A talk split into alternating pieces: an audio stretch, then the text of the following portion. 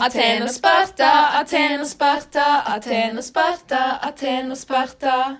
Hva har vi tatt med oss til i dag? Aten og Sparta, Aten og Sparta, Aten og Sparta, Aten og Sparta.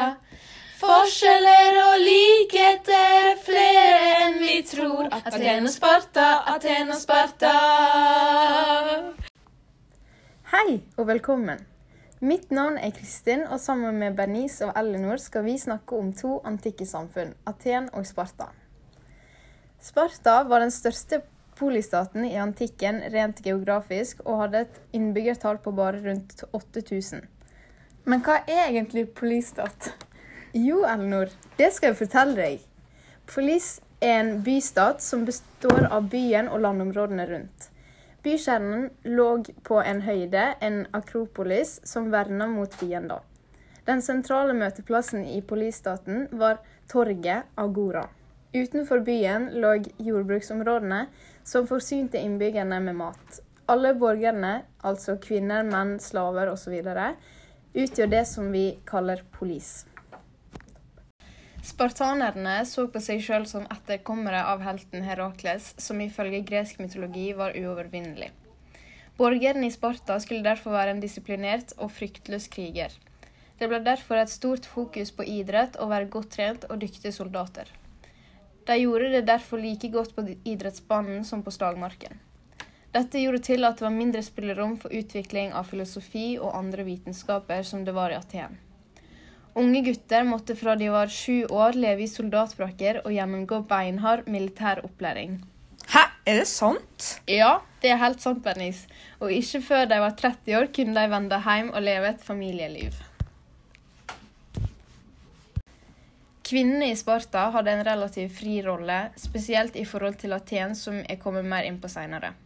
De fikk en viss utdanning, de kunne eie jord, og de kunne drive med idrett. Men dette betydde ikke at spartanerne var forløpere for feminismen i moderne tid. Kvinnene mangla nemlig borgerrett, og var først og fremst til for å lage barn med sin mann. Kvinnene i Sparta giftet seg som oftest i 18-årsalderen. Borgerne i Sparta eide jord, men dyrka den ikke sjøl. Det hadde de helotene til, den opphavlige bondebefolkningen som spartanerne brukte nærmest som slaver. I Sparta fantes det en folkeforsamling, et råd og to konger. Sparta var mer et oligarki, et fåmannsvelde, enn et demokrati. I folkeforsamlingen kunne borgere over 30 år møte, men den hadde lite makt. I rådet satt det 28 borgere over 60 år som ble pekt ut av folkeforsamlingen. Rådsmedlemmene hørte til de rikeste jordeierne og satt på livstid. Eforene som styrte polis, polistaten i det daglige, var embetsmenn og ble valgt inn av folkeforsamlingen for ett år om gangen. De hadde som oppgave å passe på at folkeforsamlingen ikke gjorde vedtak som brøt med lovene og religionen. Den ideelle borgeren i Aten var jordeier, soldat, politiker og idrettsmann. Aten var polistaten med flest folk med et innbyggertall på 300 000 innbyggere. I Aten var det bare frie menn over 18 år med atensk far og mor som hadde borgerrett og kunne delta i demokratiet. Dette utgjorde bare rundt 30 000 av disse 300 000 innbyggerne. Det var derfor for mange et svært urettferdig samfunn å leve i. Men verst for de alle var kvinnene. De hadde ingen borgerrett og fikk i særlig liten grad delta i samfunnet. De kunne ved stor sannsynlighet bli gifta bort i 15-årsalderen, ofte med menn som var en del eldre, og de hadde ikke rett til skilsmisse. Kvinner hørte til hjemmet, og som oppgave hadde de å gi ektemannen barn.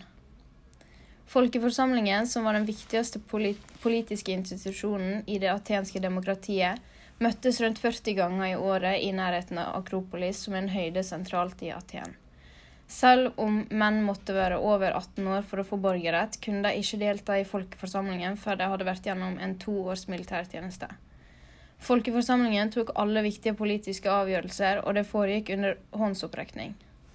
Det gjaldt utnevning av folk til embetsstillinger, erklæringer om krig og fred og vedtak om lover og traktater. Men Bernice, hva er egentlig forskjellene og likhetene mellom Aten og Sparta?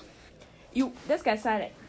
Som ved de sosiale forholdene er det mer forskjeller enn likheter mellom hvordan ting var mellom Aten og Sparta. Spesielt når det kommer til hvordan kvinner hadde det. Aten og Sparta var et slavesamfunn. Slavene utførte mange oppgaver og ordnstjenester i samfunnet. Både offentlig og på det private området. Som å følge barn til skolen, gjøre husarbeid, arbeide i landbruket, i gruver og på byggeplasser. Men i Sparta var det friere for kvinner enn i Aten. Kvinnene kunne ofte mobbe de mennene som ikke kunne få barn, og de ønska sterkere kvinner, slik at de kunne bære frem sterke krigere til samfunnet. I Sparta trente man opp barna til å bli krigere. Mens i Aten var det ikke sånn. Der var det stor ære for kvinner å ikke få uttalt sitt navn i offentligheten mens man levde. Fordi det var det samme som å ha et dårlig rykte om man ble snakket om. Det var så intenst med forskjeller at til og med kvinner ikke skulle ses utenfor sitt hus. I Aten og Sparta hadde de til felles at det var bare borgere som hadde politiske rettigheter. Men de hadde to vidt forskjellige system. I Aten hadde de demokrati. Det gjør at det har mye mer å si det å være en borger, mens i Sparta hadde de oligarki. Og oligarki har jeg hørt om før. Hva er det egentlig? Jo, det skal jeg si deg, Kristin. Oligarki er et formannsvelde der makten ligger hos en liten gruppe. Dette er motsetninger for demokrati, som de hadde i Aten. For demokrati er når folket bestemmer. Ved politiske forhold hadde Aten og Sparta store forskjeller, så ved folkeforsamlinger i Aten. Da hadde alle borgere over 19 adgang og talerett. Embetsmenn ble valgt, lover ble vedtatt, og viktige avgjørelser ble fattet. Det er som at alle nordmenn skulle møtt opp på Stortinget og vært med på debattene og avstemningene der. Mens i Sparta var folkeforsamlinga bare valgte embetsmenn, og medlemmer av det eldstesrådet som kunne tale. Eldsterådet er altså det øverste statsrådet. Besto av 28 menn som var over 60 år. Korrupt, fordi medlemmene de var, var valgt for livstid og kunne ikke byttes ut. I Sparta var det tilbakeholden utenrikspolitikk. De drev mye for seg sjøl, men de hadde fortsatt litt, litt kontakt med resten av verden. Både Aten og Sparta var under de samme økonomiske forhold. De drev med jordbruk, handel, gruvedrift og håndverk. I Aten og Sparta var det en del likheter, men også noen forskjeller kulturell, kulturellmessig. Språket til begge var gresk. De hadde også polietisk gresk religion. Det er en religion hvor de tror på mange guder. Underholdning var noe de var veldig opptatt av, som bl.a. gladiatorkamper, teater og sport. På både skole i Aten og skole i Sparta var det ett fag som var det viktigste, og det var gymnastikk. I Sparta startet man tidlig. Så Kristin sa, så fra ung alder bodde de i brakkelære med hard fysisk trening og våpenopplæring. I Aten var det alltid stor ære til idrettshelter, og de ble hylla. I Aten var det sjømakt med stor krigsflåte, mens i Sparta var det landsmakt med stor hær. Men Elinor, da lurer jeg på en ting. Hva har egentlig dagens samfunn tatt med seg fra Aten og Sparta? Jo, det kan jeg fortelle deg. Aten og Sparta er noen av de mest kjente gamle samfunnene som gir god kunnskap til i dag.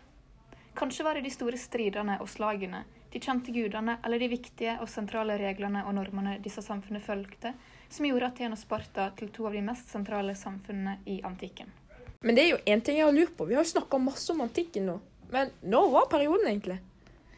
Som kjent var antikken i perioden fra ca. 800 før Kristus til rundt 500 etter Kristus. Og vi vet òg at samfunnet endrer seg stadig. Dermed er det ikke så rart at samfunnet i dag er helt annerledes enn det det var for flere tusen år siden. Men likevel kan vi se tydelige likheter fra datidas samfunn til det samfunnet vi har i dag. La oss se på Norge som et eksempel. I år 2020 er Norge verdens tiende beste land å bo i. Det er vel ikke så rart med tanke på at vi er en velferdsstat og har den mest velfungerende styreforma i verden, nemlig demokrati. Som du kanskje gjetta, var det nettopp denne styreforma som ble laga i Aten. Rundt 400 før Kristus vokste demokratiet fram i det antikke Hellas. Og dette var første gangen befolkninga var med på å bestemme hva som skjedde i staten. Selv om det bare var menn over 18 år i Aten og borgere over 30 år i Sparta som kunne stemme, og at det var et direkte demokrati, er det likevel der det demokratiet vi har i dag, nemlig indirekte demokrati, stammer fra. Det som ofte henger sammen med demokrati, er ytringsfriheten. I Sparta kunne kvinnene vandre i lag med mennene, si meninga si og kødde og spøke med dem mens det ble sett på som normalt. Sparta var et av de få samfunnene der kvinner kunne delta i idretter, eie jord og være sterkt tilknyttet fellesskapen. Selv om kvinnene i Sparta ikke hadde borgerrett, var det likevel et lite steg i riktig retning. Selv om demokratiet kanskje det nevner oftest dersom man snakker om hva samfunnene i dag har arvet fra samfunnene i antikken, kan vi likevel ikke glemme kulturen antikken har gitt oss. Vi har alle vært på et teater i løpet av årene, enten om det var frivillig eller ikke. I Aten ble det framført skuespill ved religiøse festivaler i form av komedie og tragedie. Komediene tok ofte for seg politiske saker, mens tragediene tok for seg små og store feil den vanlige befolkninga og heltene begikk. I Aten mente folket nemlig at det var viktig at alle skulle se tragedie for, at, for å lære at feil skjer, og at en ikke skal dømme andre så fort for feilene de har gjort. I Norge har vi lett for å dømme andre for feilene de begår, men vi har likevel tro på en sjanse til, og at folk kan endre seg. Dette ser vi at vi er et av de beste og mest velfungerende, velfungerende fengslene i verden.